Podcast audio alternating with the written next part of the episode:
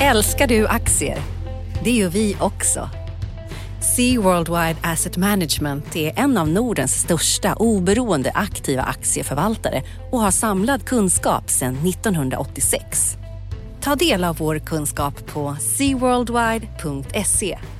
Bokstaven C, worldwide.se.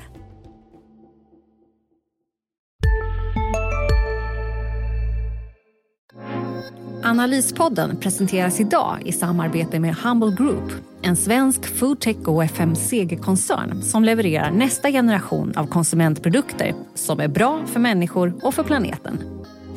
Humble inriktar sig på produkter inom eko, hållbarhet och veganskt och som har bra näringsinnehåll. Bolaget har en antagen strategi att växa organiskt och genom förvärv inom varumärken, distribution, tillverkning och ingredienser. För mer information besök humblegroup.se. Analyspodden från Dagens Industri. Hej och välkommen till Analyspodden, Dagens Industris podd om börs och makro. Eh, jag heter Agneta Jönsson och med idag i studion är kollegan Magnus Dages. Hej Magnus! Hej hej! Idag är det fredag igen. Det är fredag den 7 januari och klockan är 10. Och eftersom det är Magnus och jag som mest följer bolag så kommer det handla om börsen mest här. Eh, OMX-index, eh, vårt storbolagsindex, är ner 1,3 procent idag och ligger på 24,11 så ni vet ungefär hur läget är här. Eh, hittills i år är index runt nollan. Eh, vi hade en riktigt bra start på veckan och vi hade ett nytt all time high på 24,67 i tisdags. Sen började det stöka till det här. Eh, det var framförallt eh, i USA började falla på på onsdagen. Eh, det var en nedgång på Nasdaq på över 3% när protokollet från räntekommittén visade att ledamöterna är fortsatt oroliga för det här med inflationen.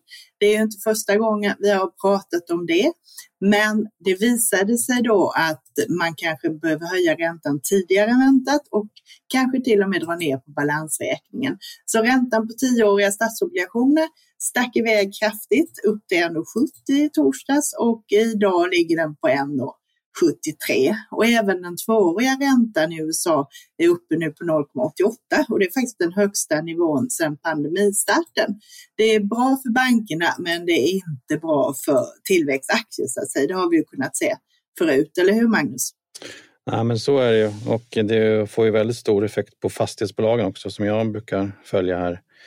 Och det ser man ju idag att fastighetsaktier faller kraftigt överlag egentligen. Det, jag tittade precis här, det var ingen av aktierna som gick upp faktiskt. Eh, inte ens SBB som höjde sin vinstprognos eh, rejält här på förmiddagen eh, är upp, utan eh, fastighetsaktier är ju väldigt känsliga för räntan generellt. Det minsta nysning där på räntemarknaden så brukar det förändras på fastighetsaktierna. Precis, du har ju skrivit om det i dagens tidning, en ganska stor genomgång. Aktierna har ju gått bra och värdena har ju också stigit. Eller du, du tror ju att värdena kommer stiga ordentligt när rapporterna kommer? Ja, och anledningen är eh, inflationen tror jag och det är eh, så som eh, hyrorna förändras då. I Sverige så följer många fastighetsägarnas sätt att räkna då. Då mäter man liksom oktober mot oktober förra året hur inflationen har gått och sen lägger man in den nya, alltså Kontrakten är så inflationsjusterade så Eh, så den börjar nya hyran gälla då vid årsskiftet egentligen. Så man tittar på oktober mot oktober och sen ser man hur mycket den har förändrats och sen lägger man på den helt enkelt på, på hyran från årsskiftet. Eh, och nu eh, senaste mätningen så var den nu väldigt hög, rekordhög, men det är nivåer man inte sett sedan 90-talet faktiskt eh, och 2,8 procent om jag inte minns fel. Så det, det kommer att slå rakt in i eh, hyrorna och eh, det kommer att påverka vinsterna positivt, men det kommer också påverka värdena positivt i, eh, i för fastighetsbolagen. De värderar ju sina kåkar med en kassaflödesmodell som vanligt, som alla gör. Och när man sätter in en sån här repetitiv intäkt som är som hyror där, som kommer vara över alltså hela tiden framåt, så får det rätt stor effekt på, på värdena just det kom, tror jag man kommer se nu i, i fjärde kvartalet när bolagen kommer värdera sina kåkar. Men det är ju intressant för då innebär det att kanske de här stora premierna som är nu, om man jämför substansvärde med aktiekurser, att de kanske minskar en del då? Ja, det tror jag faktiskt att de gör. Så marknaden kan man nog säga att det legat lite före här. Eh, men eh, man ser ju på en del bolag att det är enorma premier. En del är uppe på nästan 300 procent. Så det, det hjälper inte lite inflationsuppgång eh, i, utan det tar ju många, många år att beta av de premierna. Men man ser också att det är väldigt stora skillnader på olika bolag. Sektorn har inte värderats så här olika egentligen som jag har hållit på med fastigheter faktiskt, utan en del är väldigt stora rabatter som eh, huvudstaden och eh, några eh, retailbolag som man inte vill ha och sen är det väldigt stora premier på de här bolagen som varit förvärvsaktiva då, som eh, SBB till exempel, eh, MP3 och Sagax som har växt väldigt mycket. Så de har man satt stora premier på. Då. Och eh, jag ser också att, att förvaltare och analytiker börjar använda mer att man tittar på kassaflöden och värderar dem istället istället för substansvärde. Så det tycker jag är en liten trend som har förändrats de senaste 5-10 åren. Här. Så var det inte för 5-10 år sedan, då var det mest substansvärde tycker jag. Man tycker när man läser om det här när de köper nya kåkar igår, i, nu så är ju direktavkastningarna ganska låga på det de köper. Varför ska det värderas högre på börsen än vad det är utanför börsen så att säga? Ja, det är en bra, väldigt bra fråga. Jag gjorde den beräkningen faktiskt med Sagax här i min artikel att de värderar själva sina bestånd på runt 6% enheter men eh, tittar man på eh, börsvärdet, lägger på lånen och tittar igenom alltså förvaltningsresultatet eller driftnettot eller deras intjäning helt enkelt så, så är avkastningen nere på 1,7 procent för, för kåkarna och samma gäller flera andra bolag. Då. Så marknaden eh, värderar dem på ett annat sätt då, än vad fastighetsvärderare gör. Man sätter helt enkelt en, stor premie på det här bestånden för att de är på börsen. Det är, normalt så brukar ju fastigheter vara som sagt vara en bra inflationshedge eh, så att säga, men ser det ut så här? Eh, tror du det kan fortsätta vara det eller har den sambandet kommer att ruckas framöver? Ja, men eh, fastigheter kommer nog vara en bra inflationshedge tror jag. I alla fall som det är nu. Nu är det ju optimala tider för dem. Nu är det både inflationen hög, räntorna låga och bra ekonomisk aktivitet då i, i samhället. Så det är ju perfekta tider för dem. Men eh, så nu, nu kan de både höja hyrorna och få lägre räntekostnader, så det är optimalt. Så jag tror det kommer, bolagen kommer vara en bra inflationshedge. Men sen hur aktierna går och vad man ska sätta för premie på de här bolagen, det är ju jättesvårt. Det beror mycket på riskaptiten i, generellt på börsen tror jag.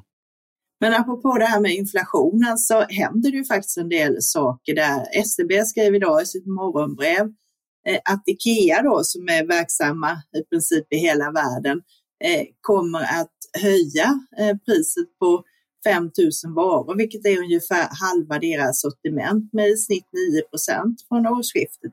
Det vill säga då i linje med företags överlag globala eh, prishöjningsplaner. Det tyder ju på faktiskt att vi kanske får en lite mer varaktig inflation än vad man tidigare har trott, tycker jag i alla fall. Ja, det är väldigt intressant att just Ikea som har gjort det, som alltid har försökt att hålla så låga priser som möjligt. Så nu för man över den här prisökningen på kunderna då. Att de väljer det spåret är ju väldigt intressant tycker jag. Att, eh, att man inte absorberar, absorberar det i vinsterna helt enkelt utan man, att man vill föra över det på kunderna nu, den här prishöjningen. Att man måste det. Man skulle ju också kunna gått den andra vägen, att man hållit priserna och tagit i sina marginaler helt enkelt. Men det vill man ju tydligen inte göra då. Nej, och det måste ju också vara en, tolkar jag det som att man ser att det är lite mer bestående. För eh, tror man att det bara är tillfälligt så tycker jag då är det större anledning att ta det i marginalerna. Men håller det i sig eh, så är det lika bra att försöka jobba igenom det och höja mot kund. Och det tror jag kanske fler bolag resonerar så. Ja, många gör nog det. Och eh, jag tycker man ser det generellt i samhället att priserna höjs generellt. Men jag tror inte att lönerna kommer kompensera för det här. Så risken är uppenbar för negativa reallöneutvecklingar både i år förmodligen nästa år. Det är tuffare för hushållen, det har vi skrivit i vår tidning också. Mm. Men vi kommer i alla fall inte ha det lika tufft som de har i Argentina. Där skrev de idag att eh, deras eh, då, styrränta höjs till 40 procent från tidigare 38 procent. Och Eh, men där har de ju faktiskt en inflation på 50 procent så att du får en negativ realränta där också på 10 procent. Så att eh, ja, vi hoppas att vi inte hamnar där i alla fall. Sen har vi en annan nyhet i denna veckan var att Volvo Cars faktiskt får en ny vd nu. Jim Rowan från Skottland eh, tar över det här. Är detta något som du tror kommer påverka aktien, Magnus? Nej, inte kortsiktigt tror jag inte. Nej, jag tycker nog att det är bra att de plockar in en, en vd som eh, inte riktigt kommer från fordonsindustrin med tanke på hur snabbt eh, bilindustrin förändras nu med både elektrifiering och självkörande bilar och eh, jag tror det är bra att man tar in en vd som kommer från ett litet annat håll. Även om det finns väl vissa tveksamheter. Han kommer från Dyson så han är ju dammsugarförsäljare i grunden. Men de gjorde också för sitt försök att starta en elbilstillverkare som de tvingades slå ner. Så det har han ju i bagaget då. Ja, han är ju bra säljare då i alla fall. Borde Förhoppningsvis är han det. Förhoppningsvis är han bra på att göra elbilar också, fast kanske inte i Dysons ledning. Då. Nej, men sen är ju Håkan Samuelsson kvar som ordförande i Polestar, vad jag förstår det. Och det är väl en väldigt spännande del framöver här. Ja, det är väl den stora triggern då när den kommer noteras då via spacken går Skagenheimer. Förmodligen i början av året här, förhoppningsvis om man får ett värde då på, på Polestar, vad det, vad det kommer bli. Och intresset för elbilar är ju fortsatt eh, rekordstort kan man säga. Det är ett extremt fokus. Eh, Sonys aktie gick väl upp rejält när de bara andades att de skulle göra en elbil. Och, eh, Tesla slog ju förväntningarna i veckan med sina leveranser för år och eh, jag räknar ut att börsvärdet gick upp eh, runt 100 miljarder dollar, alltså 800 miljarder kronor på, på den nyheten att de slog förväntningarna i år då med leveranserna. Så det, det är inte dåligt det, ja, det finns ju liksom ingen eh, rim och reson på hur mycket man handlar upp eh, de här aktierna på, på fundamentala nyheter. Nej, vi fick ju en ny all time high på Volvo Cars eh, samma dag här. Tror du att vi får en eh, till Polestar noteras en korrelation att de hänger med i det här elbilsrallyt lite nu? Ja, förhoppningsvis gör de väl det, men jag tycker ju, bolag som sådana är ju väldigt lågt värderat fortfarande. Det är stora osäkerhet om framtiden, hur de lyckas, men historiskt har de gjort det bra faktiskt, tycker jag, Volvo. Uh, och uh, liksom strippar man ut eh, uh, Polestars värdering så, så ser man att uh, rörelsen i Volvo värderas bara ett par, par, gånger, par gånger vinsten. Så jag tycker man får rätt mycket för pengarna fortfarande i Volvo Cars och det var därför jag plockade in den då i prinsessan Estelles portfölj där som vi bytte mot ICA för några veckor sedan. Ja, det låter ju intressant. Då ska man hålla kvar sina aktier man fick i tilldelningen då helt enkelt. Ja, det kan vara en bra idé. Sen eh, ni som är lite intresserade av det här med att vd-byten och särskilt vad som händer om det kommer in en utländsk sådan i svenskt bolag kan läsa i morgondagens DI där vi faktiskt har en artikel eh, på det här temat. Med oss i studion nu har vi Simon Petrén som är koncern-vd på Humble Group och som samarbetar med Analyspodden den här veckan. Hej Simon! Hallå där! Ni har haft ett spännande 2021 med stark utveckling. Berätta, vilka är de viktigaste highlightsen från året? Ja, men 2021 har varit ett transformativt och eh, min uppfattning fantastiskt år för koncernen. Och det började väldigt starkt med vårt första förvärv av The Humble Co som också ska säga, transformerade gruppen i form av att vi fick in ett väldigt starkt management som idag utgör grunden för den operativa ledningen och vårt ma team Utöver det så har vi gjort totalt sett 23 förvärv under året och vi har gått från att vara en, en liten spelare till att nu ha en signifikant omsättning och lönsamhet. Eh, kan även stolt säga att vi säljer till 116 marknader på, på global skala och har en portfölj av fantastiska varumärken som växer så det knakar och där vi når ut till allt fler konsumenter med, med rätt typ av FMCG-produkter. Så att vi har byggt struktur, men vi har också växt väldigt kraftigt. Hur ser ni då på marknadens utveckling för den här typen av hälsosamma och hållbara produkter? Ja, men våra säljare ute i butiker och även i alla de här internationella marknaderna märker ju väldigt tydligt att det finns ett ökat sug från konsumenter och butiker för produkter som riktar sig mot människor där man då erbjuder en bättre hälsoprofil. Eh, men också framförallt hur de här produkterna påverkar vår omgivning. Vi måste bli mer hållbara. Och de här två trenderna, jag tycker det är fel att kalla det för trender, jag skulle säga krafter, för det här kommer bara öka, eh, blir allt viktigare och, och vi märker också att både myndigheter och konsumenter uppmärksammar det här. Så att eh, det är en väldigt positiv trend för vi, vi har några av de absolut starkaste produkterna och varumärkena i de här snabbväxande segmenten och det händer väldigt mycket. Och Vad kan man då som aktieägare förvänta sig från Humble under 2022? Jag tror att det kommer bli mer av den varan vi redan har börjat leverera på. Vi kommer att växa med allt fler förvärv eh, under förra årets etablerade Just nu pågår vår stora season sale med fantastiska priser på möbler och inredning. Passa på att fynda till hemmets alla rum, inne som ute, senast den 6 maj. Gör dig redo för sommar. Välkommen till Mio. CSRD, ännu en förkortning som väcker känslor hos företagare. Men lugn, våra rådgivare här på PWC har koll på det som din verksamhet berörs av. Från hållbarhetslösningar och nya regelverk till affärsutveckling och ansvarsfulla AI-strategier. Välkommen till PWC.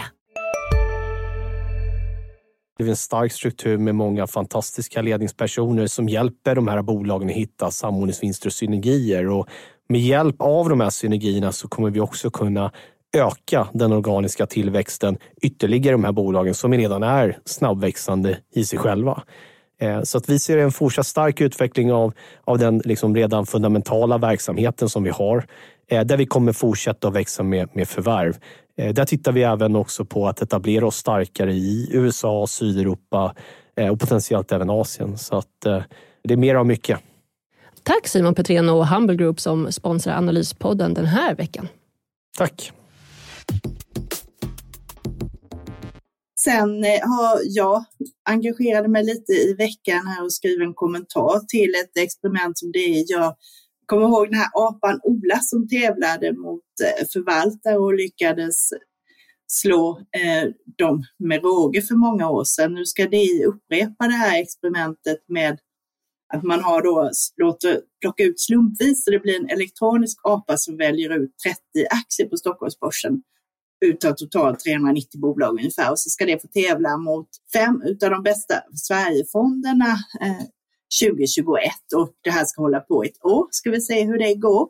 Och det är ju lite det där temat eh, i aktiv förvaltning jämfört med slumpen. Eh, lönar det sig att jobba med stockpicking och analys och alltihopa det här eller kan man lika gärna eh, titta på, eh, ta vilka bolag som helst? Och det är också ett tema i det här att eh, om aktiv förvaltning kan slå index som kanske är lite mer seriöst. Och tittar vi i USA förra året så läste jag i Wall Street Journal att 85 procent av förvaltarna som mäter sig mot Standard på 500 gick sämre än index. Jämfört med då 2020 var det 64 procent som inte klarade det här. Och det beror på att det var en liten andel bolag, framförallt stora bolag i USA, som gick väldigt bra förra året. Däremot gick småbolag betydligt sämre. Det var en stor skillnad på index. Storbolagsindex gick upp 29 procent och småbolagsindex 15 och så var det ju inte här. Men det visar liksom att det är ganska tufft att eh, slå index. Vad, vad tycker du om det här Magnus? Ja, men så är det och det visar ju forskningen också och det vi har skrivit om att eh, fondförvaltare slår inte över tiden index. Eh, vissa förvaltare kan göra det eh, över, över, vissa perioder. Men det forskning också visar det är ju att eh, just på transparenta marknader, stora transparenta marknader som global index eller USA-index, att det är väldigt, väldigt svårt för förvaltare att slå index och det visar väl eh, Wall Street Journals genomgång där.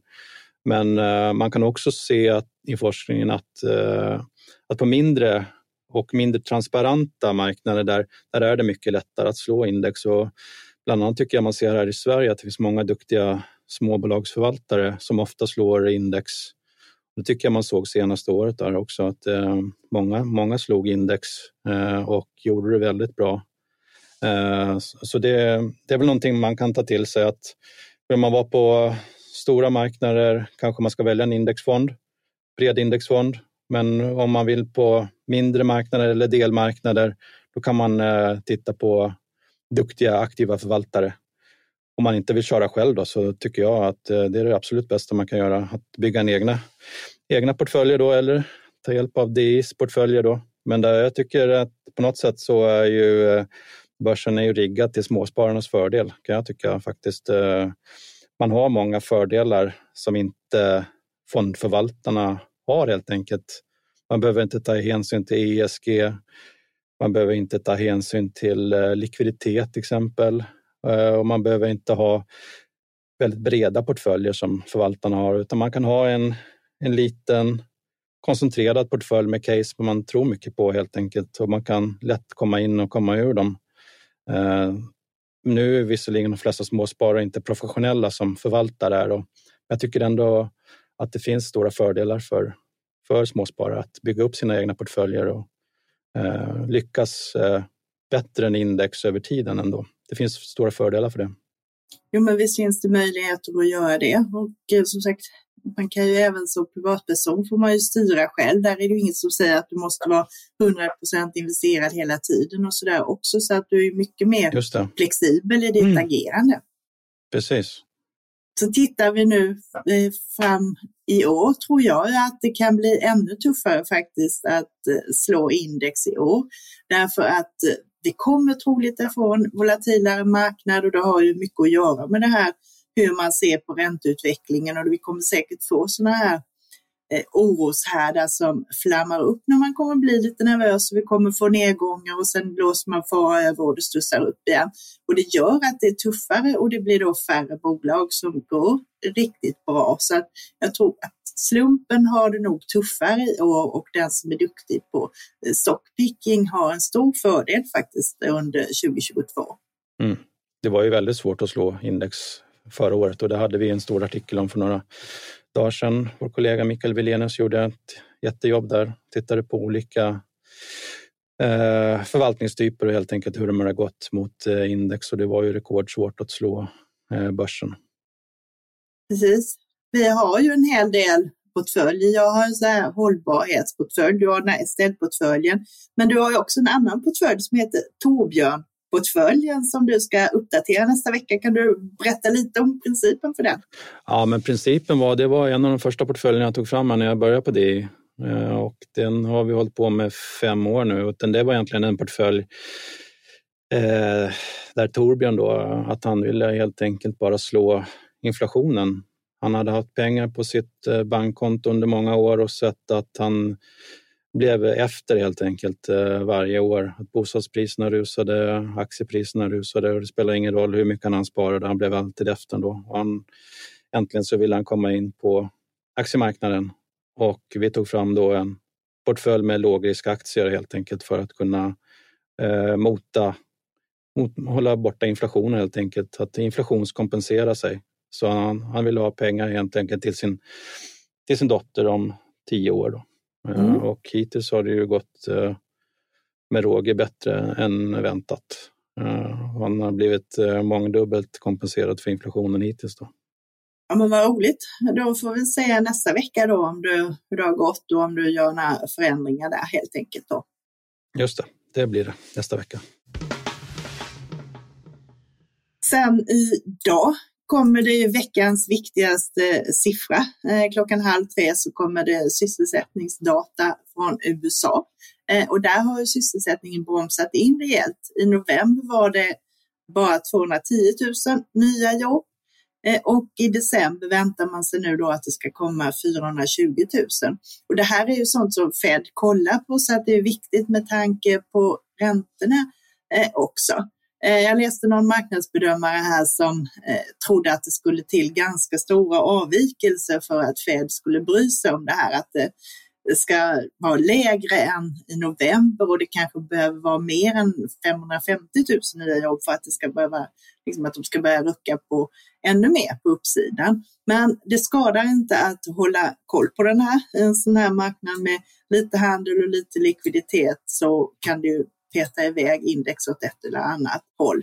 Sen glömde jag faktiskt säga, vi hade ju en annan nyhet i veckan här som eh, slogs upp stort av media. Det var ju att Swedbanks före detta vd Birgitte Bonnesen nu åtalas för bland annat grovt svindleri då med tanke på de omständigheterna som var då vad det gäller penningtvätten där i slutet av 2018 och hennes kommentarer eh, till detta och på journalisters frågor och sådant när man inte ville kännas vid att det var samma problem som i Danske Bank. Och det är också en omständighet här när man hade ett möte för investerare och större aktörer när man nämnde att den här Uppdrag gransknings tv-program skulle sändas några dagar senare. Huruvida det då är insiderinformation eller inte är också sådant som ska utredas. Eh, men det här är ingenting som påverkar aktien i närtid. Eh, däremot har vi fortfarande kvar det här som vi har nämnt flera gånger att det pågår utredningar från amerikanskt håll eh, om de här penningtvättsgrejerna och det är väl det egentligen som ligger lite som trycker fortfarande värdering på aktien om det kan bli några större böter där. Eh, vi vet ingenting om tidpunkt men att det här drar ut på tiden. Eh, först väntar man sig att det kanske kommer någonting om Danske Bank. Det har heller inte kommit någonting från amerikanskt håll. Däremot så var det ju, blev ju inte deras vd Thomas Borgen som fick sparken tidigare har inte blivit åtalad. Så det blir intressant att följa eh, rent allmänt vad som händer med åtalet mot Bonnesen, men jag tror inte det har någon bäring på aktien. Eh, vad tror du Magnus? Jättesvårt att säga, jag har inte riktigt insatt men det är väl ändå rätt bra att det blir en rättslig prövning av det här, kan jag tycka. Men visst är det så. Eh, nu har ju de rättsliga prövningarna hittills inte lett någonting vad det gäller just insidergrejer och så här. Sen har vi ju det här med eh, det stora rättshaveriet här med Fingerprints före detta vd Johan Karlström där rättegången skjuts upp gång efter gång, år efter år därför att hela, hela tiden byta advokat eller inte ha tid med rättegången. Men jag hoppas att det blir en eh, snabbare utfall i det här i alla fall så att vi får se. Och det kan ju faktiskt komma fram lite nya grejer också i samband med rättegången. Vår kollega Martin Rex bevakar ju det här noga, så sista ordet är nog inte sagt. Nej, spännande. får vi hålla koll på framöver.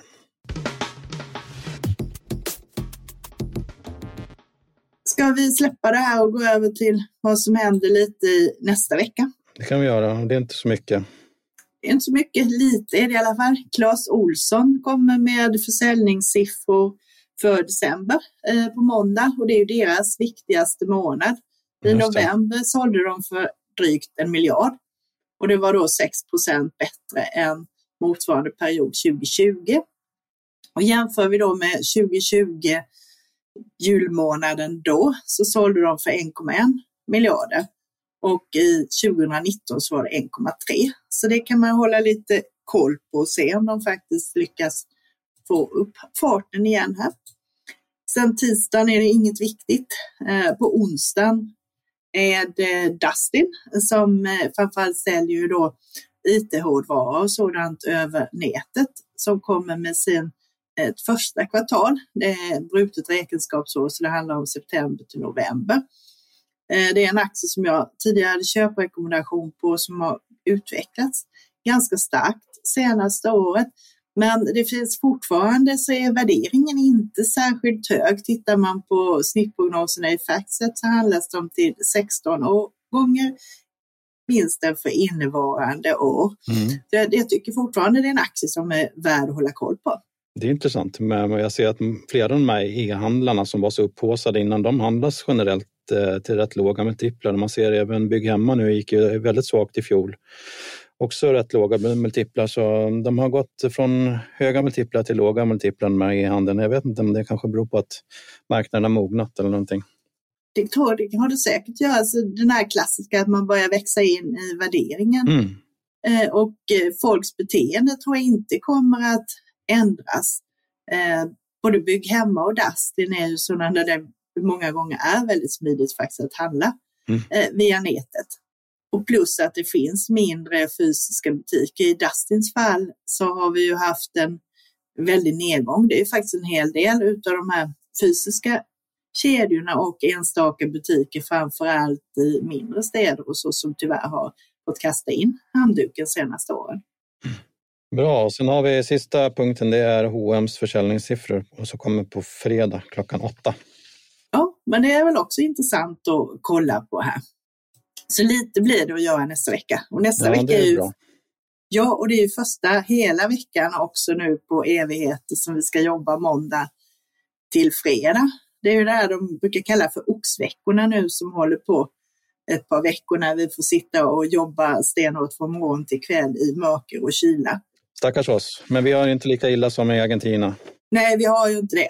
Och eh, med de orden så tackar vi för oss, eller hur? Ja, det gör vi. Det gör vi. Och trevlig helg. Ja, och eh, vi vill också påminna om att vi har flera andra poddar.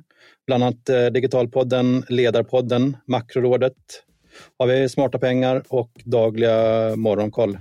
Mycket att lyssna på över helgen här. Så tack så mycket för att ni lyssnade och trevlig helg. Trevlig helg. Analyspodden från Dagens Industri. Programmet redigerades av Umami Produktion. Ansvarig utgivare Peter Fellman.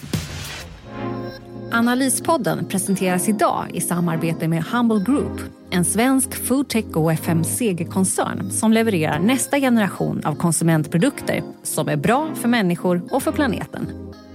Humble inriktar sig på produkter inom eko, hållbarhet och veganskt och som har bra näringsinnehåll. Bolaget har en antagen strategi att växa organiskt och genom förvärv inom varumärken, distribution, tillverkning och ingredienser. För mer information besök humblegroup.se.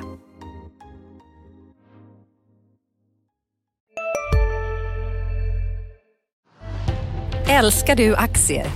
Det gör vi också. Sea Worldwide Asset Management är en av Nordens största oberoende aktiva aktieförvaltare och har samlad kunskap sedan 1986. Ta del av vår kunskap på seaworldwide.se.